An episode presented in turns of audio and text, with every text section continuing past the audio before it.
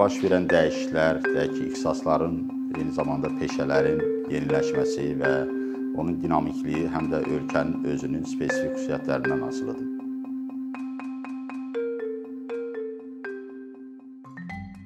Yəqin bilirsiniz də, Azərbaycanda hamı artıq seçkilərə hazırlaşır. Tezliklə parlament seçkiləri olacaq. Elə sizlərin də çoxu deputata oxşuyursunuz.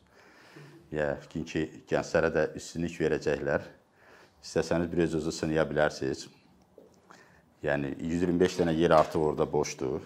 Özdə ən azı 5 il işləmə imkanları var. O baxımdan bilirəm ki, bura gələnlər həm də gələcəyi görmək istəyirlər. Bu fikrimi ona görə sizə çatdırdım ki, doğrudan da baş verən dəyişikliklər, deyək ki, ixtisasların, eyni zamanda peşələrin yeniləşməsi və onun dinamikliyi həm də ölkənin özünün spesifik xüsusiyyətlərindən asılıdır. Məsələn, elə ölkə ola bilər ki, o ölkədə deyək ki, yeni ixtisaslara tələblər çox gec baş verə bilər və o ölkədə təbii ki, bu iqtisadiyyatın müəyyən mənada ehtiyaclarından irəli gələn bir məsələdir. O ölkədə ki, iqtisadiyyat dünya bazarına və dünya deyək ki, qlobal məkana daha çox inteqrasiya olubdur. O ölkələrin ixtisaslara tələbləri də həmin o qlobal məkandan və beynəlxalq bazarın tələblərindən uyğun olaraq dəyişir. Yəni ki, eyni zamanda yeniləşir. Məsələn, deyək ki, biz dünya bazarına yeni bir məhsul çıxartmaq istəyiriksə, təbii ki, yeni məhsul həm də o sahədə ixtisaslı kadr tələb eləyir. Yeni məhsul o məhsula deyilir ki, dünya bazarında müəyyən bir payı olsun və onun o bazarda deyək ki, alıcıları olsun. O baxımdan da yeni məhsula uyğun olaraq yeni ixtisaslar, yeni tələblər yaranır həmin ölkənin iqtisadiyyatında və təhsilində. İndi Azərbaycanda vəziyyət belədir ki, Azərbaycan biraz spesifik ölkədir, çünki xüsusi özünə məxsusluğu həm də Azərbaycanın təbii sərvəti ilə bağlıdır. Daha çox neft sahəsində ixtisaslaşmış bir ölkədir və ona görə də deyək ki, Azərbaycanda bir çox ixtisaslar neft ilə əlaqəli peşələr daha çox populyardır. Məsələn, mən baxıram, görürəm ki, ən çox, ən yüksək balla tələbə qəbulunda göstəricisi olan ali məktəblərdən biri də deyək ki, Bakı Ali Neft Məktəbidir və yaxud da Azərbaycan Sənaye və Energetika Universitetidir və İqtisad Universitetidir və adamlar çalışırlar ki, ölkənin o əsas iqtisadiyyatının xəttinə, spesifikasına uyğun olaraq ixtisaslara yiyələnsinlər və düşünürlər ki, gedib neft sektorunda işləmək olar. Amma bilirsiniz, neft tükənən bir vəsaitdir və neft yəqin ki, bir müddət Azərbaycanda hansısa bir ixtisaslı kadr tələb eləyəcək, amma müəyyən bir müddətdən sonra təbii ki, artıq neftin də özünün bitməsi və yeni bir sektorların meydana gəlməsi, deyək ki, neft sahəsində ixtisaslaşmış kadrların Azərbaycanda yox, başqa yerdə özünü reallaşdırmaq üçün tələb yaradacaq. Amma indiki halda mən hesab edirəm ki, qısa müddətli dövrə baxanda ola bilər ki, o ixtisas kimin üçünsə cəlb edici olsun. Biraz gələcəyi daha uzun müddətdə, orta müddətdə görənlər üçün də o qədər cəlb edici olmalı deyil. Yəni cəlb edici ixtisaslar artıq dünyada demək olar ki, kifayət qədər həm iş yerlərinin tələblərinə görə, həm də ki, bütövlükdə götürəndə o ixtisasa olan ödənişə və o ixtisasa olan deyək ki, verilən dəyərə görə fərqlənir. Yəni bizim mən iqtisadçı olduğuma görə daha çox iqtisadi məsələlərə yönəltmək istəyirəm diqqətinizi. Məsələn, bizim ölkədə neftin, neft gəlirlərinin artması dövründə bir Hollandiya xəstəliyi və yaxud da sindromu deyilən bir proses baş verdi. Onun 4 dənə effekti var, 4 deyək ki, simptomu var. Bir simptom da ondan ibarətdir ki, resurslar deyək ki, qeyri-neft sektorundan neft sektoruna doğru hərəkət eləməyə başladı. Nəyə görə neft sektoruna doğru resurslar gedir? Çünki neft sektoru yeni texnologiya ehtiyac yaradır və yeni texnologiya yeni kadra ehtiyac yaradır və ona görə ən ixtisaslı kadrlar çalışırlar ki, neft sektorunda özünü reallaşdırsınlar, orada iş tapsınlar. Çünki neft sektorunda əməyin ödənişi digər sektorlarla müqayisədə daha yüksəkdir. Yəni bu proses demək olar ki, başa çatdı. Sonradan artıq neft sektorunda o əməyə, o ixtisası olan ehtiyaclar yönələndən sonra, ödənəndən sonra artıq neft sektorunda hətta əksinə ixtisaslı kadrların biz belə deyək ki, iqtisarını gördük. Məsələn, Azərbaycan Dövlət Neft Şirkəti bir zamanlar 63 min, 65 min işçisi var idi, amma indi e, bu şirkətin işçisi demək olar ki, 3 dəfə azalıbdır. Və bu şirkətin işçilərinin sayının azalması həm də ixtisaslı kadrların deyək ki, əmək bazarına çıxması və orada e, iş axtarmasına gətirib çıxarır. Bir sıra ixtisaslar var ki, biz e, özümüz görürük ki, bu ixtisaslar təbii ki, indiki halda getdikcə sıradan çıxacaq. Yəni o ixtisasların ardınca getməyi mən heç kəsə tövsiyə eləməzdim. Ona görə bəzən ixtisasları təsnif eləyəndə onları ölən və yaxud da gələcəkdə deyək ki, öz dövrünü başa çatdıran ixtisas kimi qiymətləndirirlər. Məsələn, onlardan biri bir neçəsinin adını dəyişə çəkə bilərəm. Bununla bağlı kifayət qədər tədqiqatlar var. Düzdür, tədqiqatlar ölkənin özünün spesifik xüsusiyyətlərinə uyğun olaraq aparılır. Birləşmiş Ştatlarda aparılmış tədqiqatların nəticəsində bir sıra ixtisasların e, getdikcə e, deyək ki, dövrünün başa çatması və həmin ixtisaslar üzrə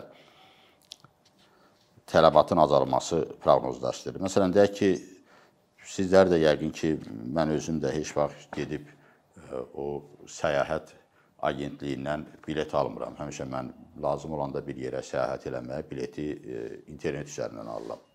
Və ona görə getdikcə deyək ki, o travel agency deyirik və həmin o səyahət agentliyində işləyənlərin e, sayının azalması proqnozlaşdırılır. Hətta belə proqnozlaşdırılır ki, yaxın 10 ildə həmin də istiqamətdə işləyənlərin sayı 12% azala bilər. Digər bir ixtisas, poçtalyon ixtisası bu gün bilirsiniz ki, poçtalyon ixtisası əvvəlki qədər e, ehtiyacı olan bir ixtisas deyil. Çünki e, artıq e, məktub kiməsə çatdırmaq üçün poçtalyon xidmətindən istifadə etməyə ehtiyac qalmır. Çünki informasiyanı çatdırmağın kifayət qədər yolları var, kanalları var və insanlar ondan istifadə edirlər. Amma bir vaxtlar poçtalyon ixtisası çox yaxşı ixtisaslardan biri idi. Mən yəni ki, o ali təhsil sahəsində demirəm, ümumiyyətlə iş barəsində deyirəm. Bəzi işlər var ki, həqiqətən e, o işlərə müəyyən dövrdən sonra ehtiyac yaranmayacaq. Məsələn, tədqiqat göstərir ki, ipoteka brokerləri var. İndi Azərbaycanda o qədər çox yayılmayıb, amma e, başqa ölkələrdə e, əksəriyyət əhali demək olar ki, mənzil təminatını ipoteka vasitəsilə həyata keçirir, amma indi artıq ə, əvvəllər ipoteka brokerləri gəlirdilər, maklerlik eləyirdilər də daha doğrusu evlərlə zaten bağlı, amma indi hər şey görürsən ki, internet üzərindəndir və girirlər oradan sifariş eləyirlər və ona görə də tədqiqatlar göstərir ki, deyək ki, yaxın 10 ildə 30% orada ə, işə tələbat ə, azalacaqdır. Ə, əvvəllər bilirsiniz biz fotoaparatlar istifadə eləyirdik şəkil çəkmək üçün və bu fotoaparatların heç də e, belə deyək ki, e, onlar rəqəmsal deyildi və həmin fotoaparatlarda plyonkalar var idi və hər birimiz şəkil çəkmək üçün ondan istifadə eləyirdik. Amma indi e, elə əksəriyyət şəkilləri telefonla çəkir və belə olan halda heç e, fotoqrafda öz boynunda o fotoaparatı ilə görürsüz ki, partda ora gedir, bura gedir. Heç kəs gəlib ona demir ki, gəlsin bir şəklimi çəksin mənim və bu sənət də hiss olunur ki, müəyyən dövrdən sonra öyrən peşələrdən birinə çevriləcək. Amma halbuki mənim yadıma gəlir ki, lap o Sovet dövründə 80-ci e, illərdə adamlar gəlirdilər Bakıya rayonlardan və istəyirdilər ki, hökumət evinin qabağında bir şəkilləri olsun, çox belə. Orada fotoqraflar ən yaxşı peşələrdən biri sayılırdı, çünki tələbat çox idi. Gələn adamların şəklini çəkirdi, yaxşı da pul qazanırdı və orada işləmək özü belə deyim ki, e, daha e, həmin adamların həm qazancı baxımından, həm də ki, o işə tələbat baxımından çox yaxşı peşələrdən birinə çevrilmişdi. Və yaxud da biz deyək ki, saat-saz ixtisasını götürək. Əvvəllər vaxtı öyrənmək üçün başqa variant yox idi. Onsuz da heç kəs telefona saata baxmırdı ki, çünki bizim əvvəlki telefonlarımız heç saat da göstərmirdi. Əvvəla cibdə gəzdirəsi telefonumuz da yox idi və son nəticədə artıq bu saat məsələsi ortalıqdan çıxırsa, deməli saatsazlara da o qədər ehtiyac yoxdur. Və əvvəlki saatlar deyək ki, mexaniki saatlar idi, amma indiki saatlar elektron saatlardır. O baxımdan elektron saatlarda bəzən görürsüz ki, bir dəfəlik istifadə olunur. Heç onu aparıb suya verib düzəltdirmirsən, çünki onun xərci elə təmir xərci, saatın özünün xərci qiymətindən bərabər olur. O baxımdan elə ixtisaslar var ki, həqiqətən onu görmək olur ki, buna ehtiyac var, yoxdur. Məsələn, Britaniyaya gedənlər, İngiltərəyə gedənlər özləri dəfələrlə şahid olublar. Britaniyada bilirsiniz, telefon kabinələri var. Londonun demək olar ki, brendidir, amma bu günləri bu günləri heç kəs girib o telefondan zəng eləmir, amma vaxtilə adamlar gedib o telefondan zəng eləyirdilər, onun qarşısında bir şəkil çəkdirirdilər. İndi hər hansı cibində bir mobil telefon var və mobil telefonla istənilən yerə ə, zəng eləmək istənilən ölkədən mümkündür. Amma vaxt var idi ki, ə, deyək ki, New Yorkdan Londona zəng eləmək üçün bir dəqiqəsinə 3000 dollar pul verirdilər. Söhbət ə, bir 100 il bundan əvvəldən gedir. Yəni ki, görün texnika nə qədər inkişaf elədi ki, indiki halda yəni bunu etmək ə, demək olar ki, hər bir adamın imkanı daxilindədir və bu texniki dəyişikliklər və bu iqtisadiyyatın dinamik belə deyək ki, inkişafı son nəticədə ixtisasların da ə, yeniləşməsinə gətirib çıxarır. Əvvəl dizayn məsələsini, məsələn, biz gedərdik hansısa bir eskizi çəkdirərdik, hardasa birini bəyənib onu seçə bilərdik. Amma indi girirsən kompüterə, kompüterdə sənə 100 dənə, 1000 dənə seçim imkanları verir və ona görə də məsələn deyək ki, o müəyyən bir rəsmlə dizayn çəkənlər, bunu işi görənlərə o qədər də ehtiyac yaranmır. Və bu baxımdan bir sıra deyək ki, ixtisaslar var ki, onları kompüterlə həyata keçirmək mümkündür. Daha doğrusu bir sıra işlər var ki, onları kompüter üzərindən həll etmək mümkündür. Qəzet məsələsi bir vaxtlar mənim yadıma gəlir ki, onda biz tələbə idik, bu İçəri şəhər metrosundan çıxırdıq. Bir dənə qəzet köşkü var idi orada. Onun qarşısında hər səhər növbə olurdu. Çünki bir də dənə bir neçə dənə də qəzet satırdılar. Adamlar hər şeyi o kağızdan oxuyurdular. Amma indi kağız qəzeti oxuyan yoxdur və kağız qəzeti oxuyan yoxdursa, deməli o kağız qəzetin istehsalında ixtisaslaşmış kadrlara da ehtiyac yoxdur. Çünki o kağız qəzetin istehsalında ixtisaslaşmış kadrlar bilirsiniz də onların bəziləri e, onun dizaynı ilə məşğul olurdular əvvəllər, bəziləri o qəzeti deyək ki, hərf-hərf söz-söz yığırdılar, onun çapı ilə məşğul olurdular. İndi isə e, qəzeti oxumaq üçün sadəcə abunə yazılıb, istənilən qəzeti internet üzərindən oxumaq olur və e, bunun üçün heç e, gedib yazılı hansısa bir deyək ki, nəyisə almağa ehtiyac yoxdur. Və yaxud da kitabın özü, kitabların çoxunu PDF variantında biz kompüterə yükləyə bilirik, oradan oxuya bilirik. Digər proqramlar var, o proqramlar bizə bunu təqdim eləyir və bu baxımdan elə proseslər gedir ki, o proseslər adama göstərir ki, gələcəkdə bu ixtisaslara ehtiyac yaranan e, olacaq, yoxsa olmayacaq. Məsələn, tərcüməçi məsələsi düzdür. Həmişə peşəkar tərcüməçiyə ehtiyac olub, amma indi çox müxtəlif e, deyək ki, tərcümə proqramları var. Özünüz bilirsiniz ki, o proqramlar vasitəsilə istədiyiniz e, mətni atırsınız, orada tərcümə olunur və onun üzərində də müəyyən işləməklə həmin mətni demək olar ki, tərcümə elədiyiniz dilə uyğunlaşdırmaq mümkündür və yaxud da Başqa bir proqram var, qramerli proqramı var. Həmin proqram vasitəsilə o mətndəki səhvləri düzəldə bilirsiniz. Bunun üçün artıq təcrübəyə, tərcüməçiyə e, bir səhifəsinə görə və yaxud da 300 sözə görə nəsə ödəməyə ehtiyac yaranmır. Buna görə də proses elə gedir ki, ola bilər ki, bir müddətdən sonra daha mükəmməl proqramlar olsun və o baxımdan e, tərcüməçiyə ehtiyac yaranmasın. Amma elə ixtisaslar da var ki, həqiqətən o ixtisaslar e, getdikcə daha da inkişaf eləyir və o ixtisaslara tələbat artır və o ixtisasların e, belə deyək ki, e, təhsil, o ixtisasa uyğun təhsil almaq üçün də e, yeni yanaşmalar tələb olunur. Məsələn, Azərbaycanda bizim üçün demək olar standart ixtisaslar var da. Mən illərlə də görürəm ki, Azərbaycan universitetlərində elə ixtisaslar var, heç onu tədris eləmirlər, çünki onun üçün kadr yoxdur. Bizim indi Mən Amerika Birləşmiş Ştatlarında Rutgers Universitetindəyəm və o universitetdə e, yeni ixtisasların e, əksəriyyəti tədris olunur. Çünki böyük universitetdir. 70 min tələbəsi var. Universitetin elə 26 min işçisi var və onun 5 mini akademik işçidir. Yəni kifayət qədər böyük bir e, infrastrukturu var və onlar belə yenilikləri tez götürə bilirlər. Amma Azərbaycanda universitetlərin tələbələrin sayı çox olsa da ona müvafiq olaraq infrastrukturu yoxdur. Bizdə də var universitetlər 25 min tələbəsi var, 30 min tələbəsi var.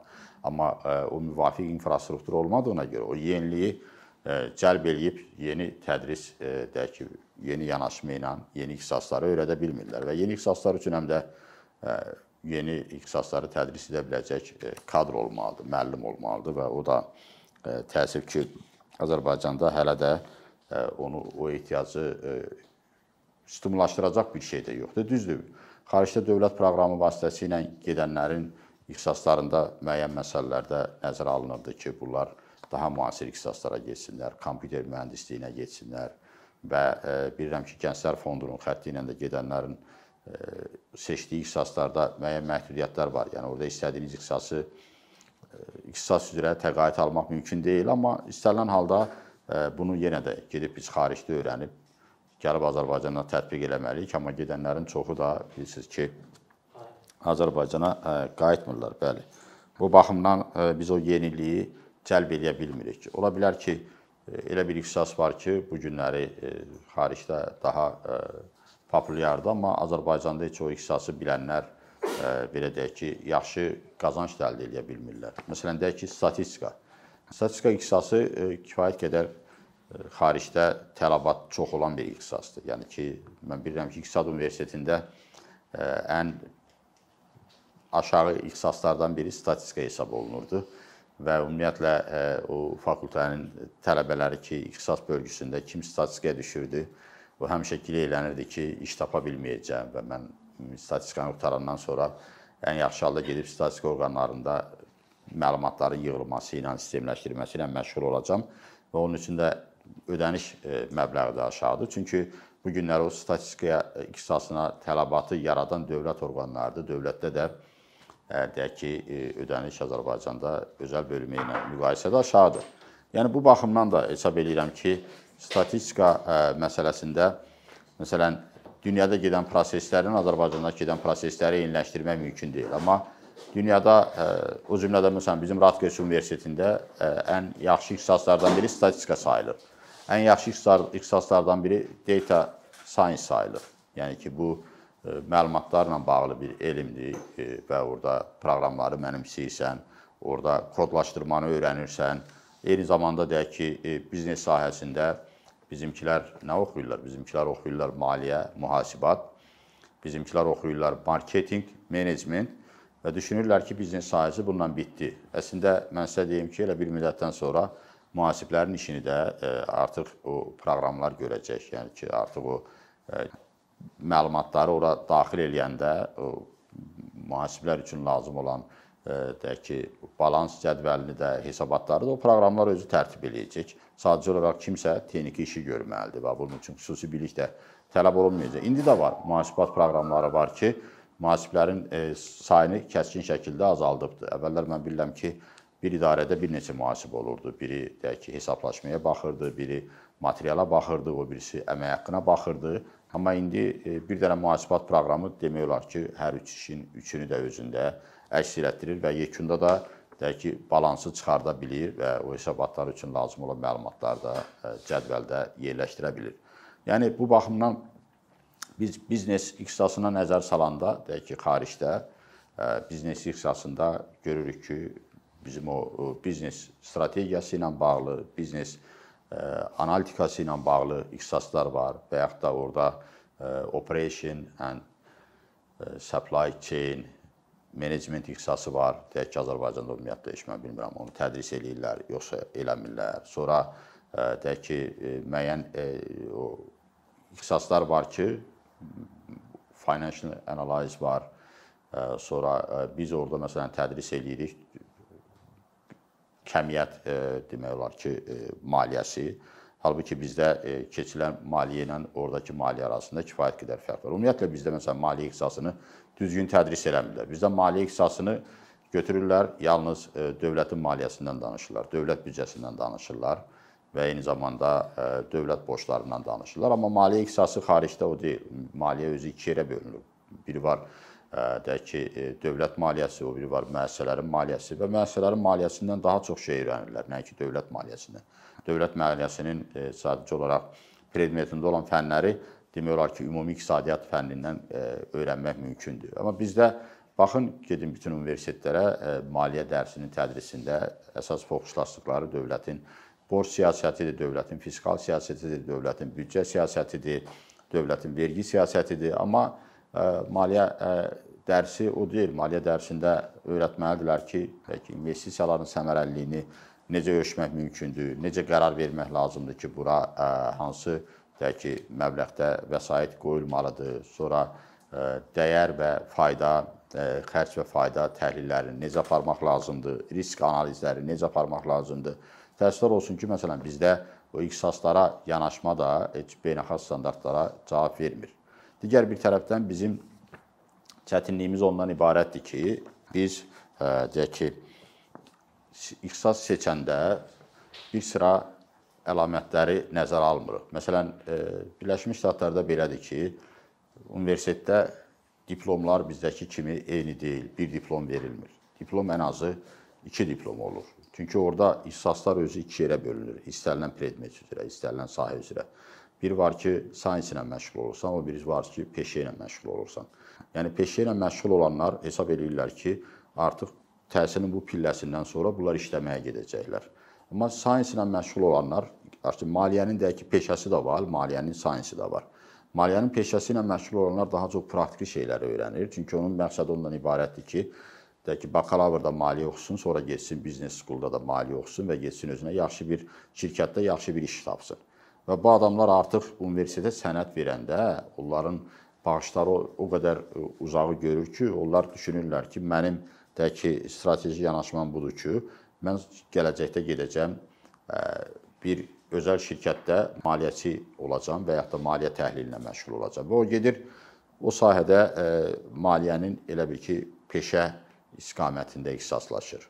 Və yaxud da kimsə hesab eləyir ki, mən burada bakalavr oxuyacam, gedib başqa universitetdə magistr dərəcəsi alacam, ondan sonra gedəcəm hardasa doktorluq proqramını öyrənəcəm və o ixtisaslaşır maliyyənin elm üzrə, yəni ki, maliyyə elminin tələb elədiyi tədrislər, yəni o ixtisasda oxuyan tələbələrin götürdüyü fənlərlə maliyyə peşəsinin tələb elədiyi e, fənlər və o ixtisasın deyək ki, predmetində olan kurslar tamam fərqlidir.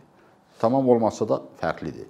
Və onlar qutaranda da e, onların diplomlarında müxtəlif e, cür yazılır. Yəni ki, elm sahəsinə ixtisaslaşmaq istəyən, onu oxuyanlara yazılır ki, bu maliyyənin elm sahəsini qutarıbdır. Peşə sahəsində ixtisaslaşanlar isə yazılır ki, peşə sahəsini qutarıbdır. Və sabah işçi bunu işə götürəndə o da baxır ki, deyək ki, e, bu peşəni qutarıbsa, deməli bu praktiki işdə daha çox fayda verə bilər. Və yaxud da kimsə e, müraciət eləyib gələcəkdə bir doktorluq proqramında oxumağa, o proqramda olanlar baxırlar ki, bunun əvvəlki ixtisasları və onun əvvəlki deyək ki, təhsil pillələrində elmlə elm yönüllü sahəni deyək ki, həmin adam özünə bir seçib. Çünki bunun məqsədi ondan ibarətdir ki, bu getsin, gələcəkdə elm sahəsində ixtisaslaşsın. Yəni bu baxımdan da fərqlər var. Bizdə elə bir fərq yoxdur. Bizdə demək olar ki, bir diplom verilir və orada maliyyə və diplomunda yazılmır ki, bu maliyyəni peşə kimi oxuyubdur, yoxsa maliyyəni elm kimi oxuyubdur.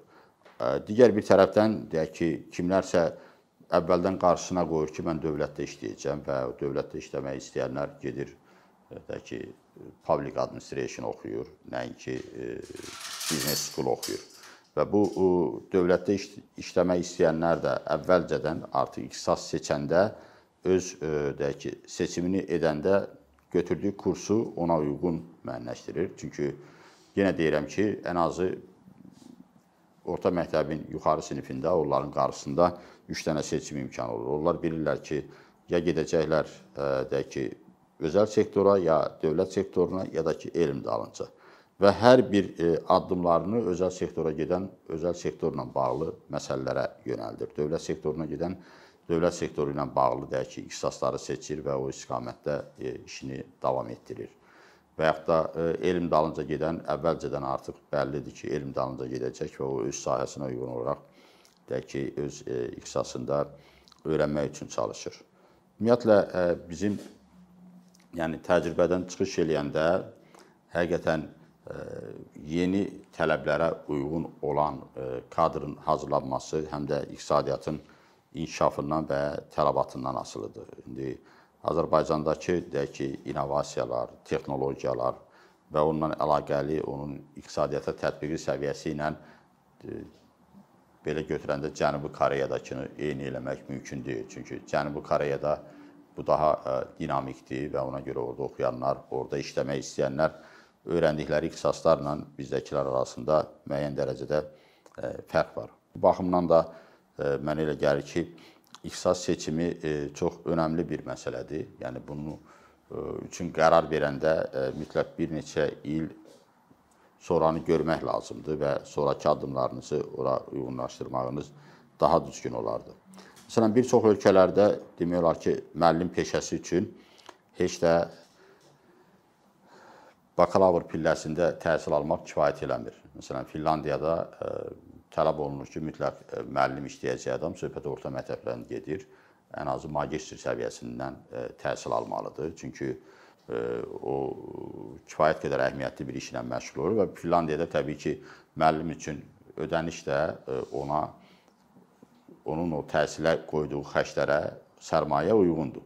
Məsələn, bizdə desək ki, müəllim olmaq üçün mütləq magistraturanı qurtarmaq lazımdır. Yəqin ki, heç biz müəllim olmağa kadr tapa bilmərik orta məktəblərdə. Çünki adam həm bakalavr oxusun, həm də magistr oxusun və nə qədər ona xərc çəkməlidir və onun da müqabilində gedib hardasa 150, 200 manat, 300 manat, 400 manat əmək haqqı ilə təbii ki, razılaşa bilməz.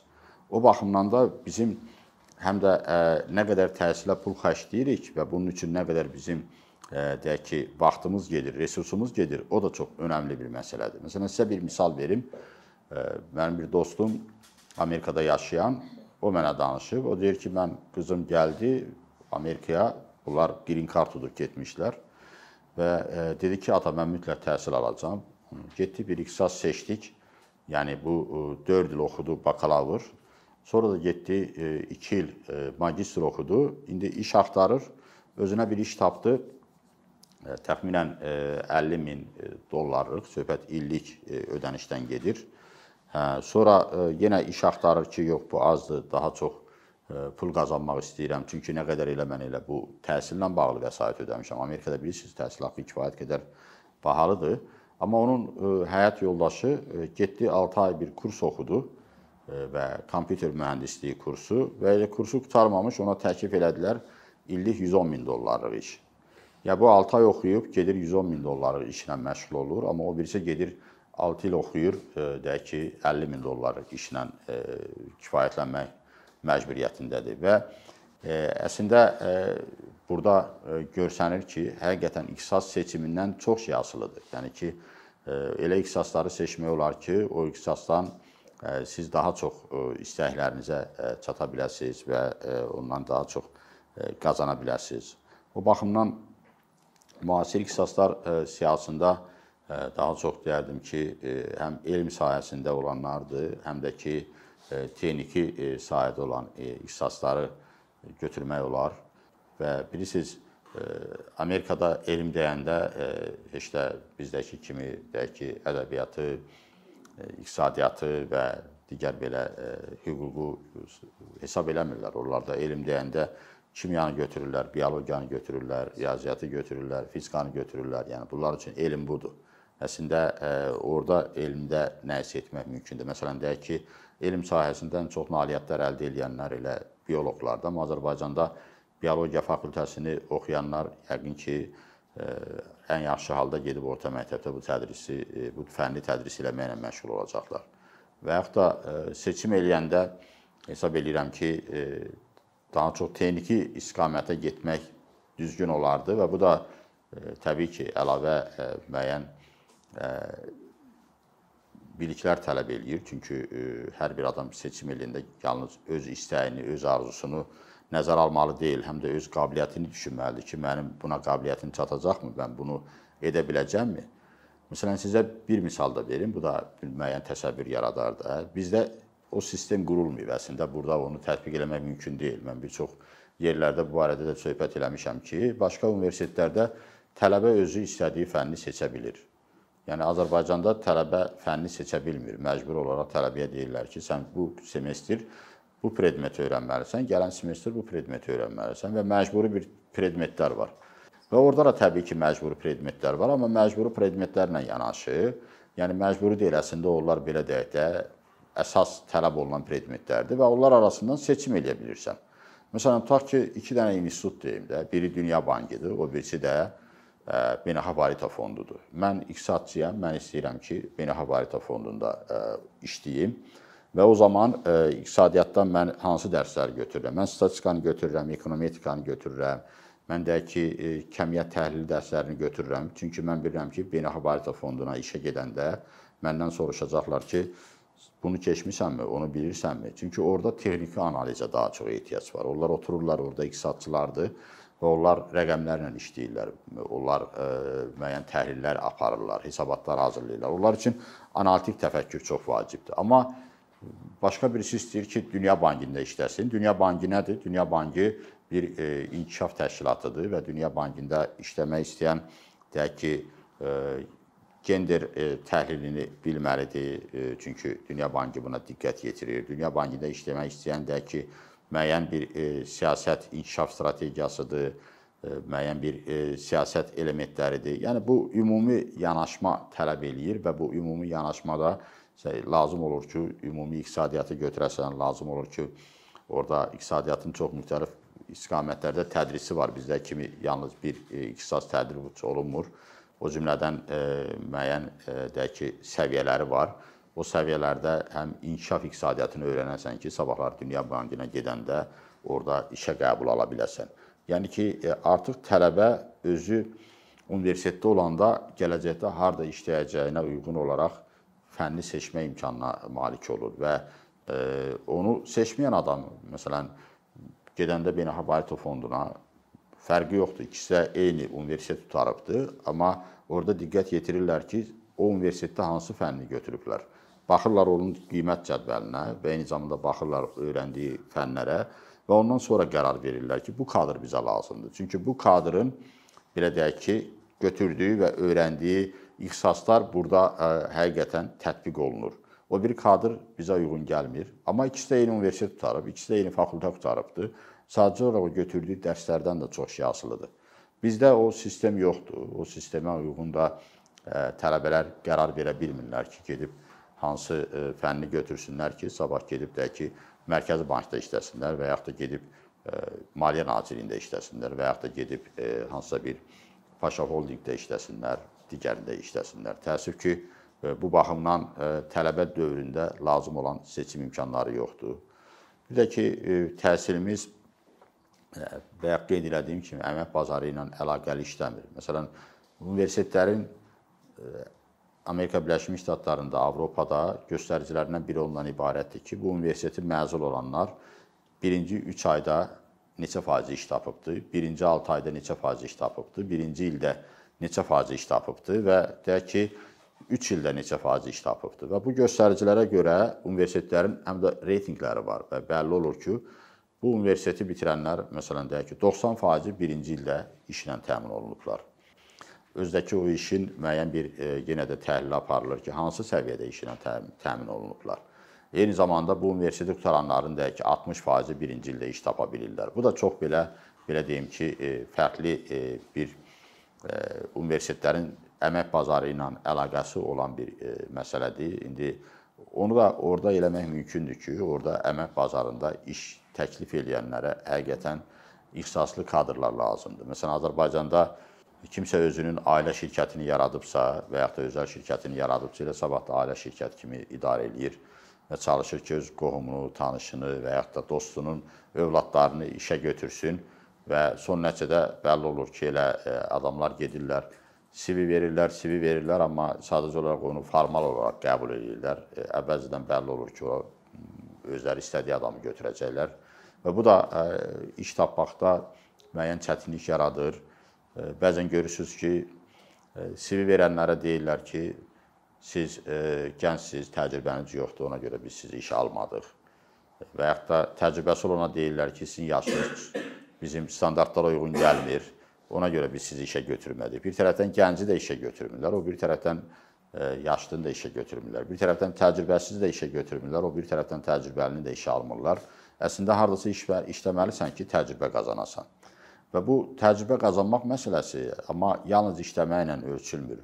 Bizim ölkədə e, təəssüf ki, bu geniş yayılmayıb. Çünki işə qəbul almaq üçün həqiqətən təcrübə əhəmiyyətli bir məsələdir. Başqa ölkələrdə universitetlərin özlərinin e, tələbləri var ki, deyək ki, axırıncı 6 ayda mütləq tələbə getməlidir, internshipdə olmalıdır və bu hardasa bir yerdə həqiqətən təcrübədən keçməlidir. Bizdə də praktika dərsləri var. Və mən e, İqtisad Universitetində e, işləyəndə də o praktika rəhbərlərindən biri olurdum. Çünki passiv belə deyək ki, yük idi. Və o zaman görürdüm ki, bu çox bir formal bir şeydir. Yəni ki, e, praktika adı ilə sadəcə olaraq e, bir gündəlik verirdilər tələbəyə, gedirdi iş yerində e, möhür vurdururdu ki, bura gəldi. Bir də 3 aydan, 4 aydan, 5 aydan sonra gedib möhür vurdururdular ki, buradan getdi. E, və bu heç nə öyrənmirdi orada. E, əslində mən sizə deyim ki, bu baxımdan e, bizdəki praktika ümumiyyətlə e, sadəcə olaraq e, müəyyən mənada vaxt itirməkdir. Amma başqa yerdə tələbələr özləri də maraqlıdırlar, getsinlər hardasa nəsə öyrənsinlər, nəsə hə, nəsə ə, o təcrübə qazansınlar. Bu baxımdan da həqiqətən ə, həm könüllü iş, həm də ki də ki internship bunlar ə, təcrübə üçün çox əhəmiyyətli bir məsələdir ki, artıq universiteti qutaranda, məzun olanda gedib birbaşa istədiyiniz işdə çalışa biləsiniz və sizi həm də başqalarından nəsə fərqləndirsin. Və bu baxımdan hesab edirəm ki, tələbə olanlar da bu barədə düşünməlidir və əlavə vaxtını buna sərf eləməlidir ki, tələbə olduğu dövrdə biliklərlə yanaşı təcrübə də qazansın.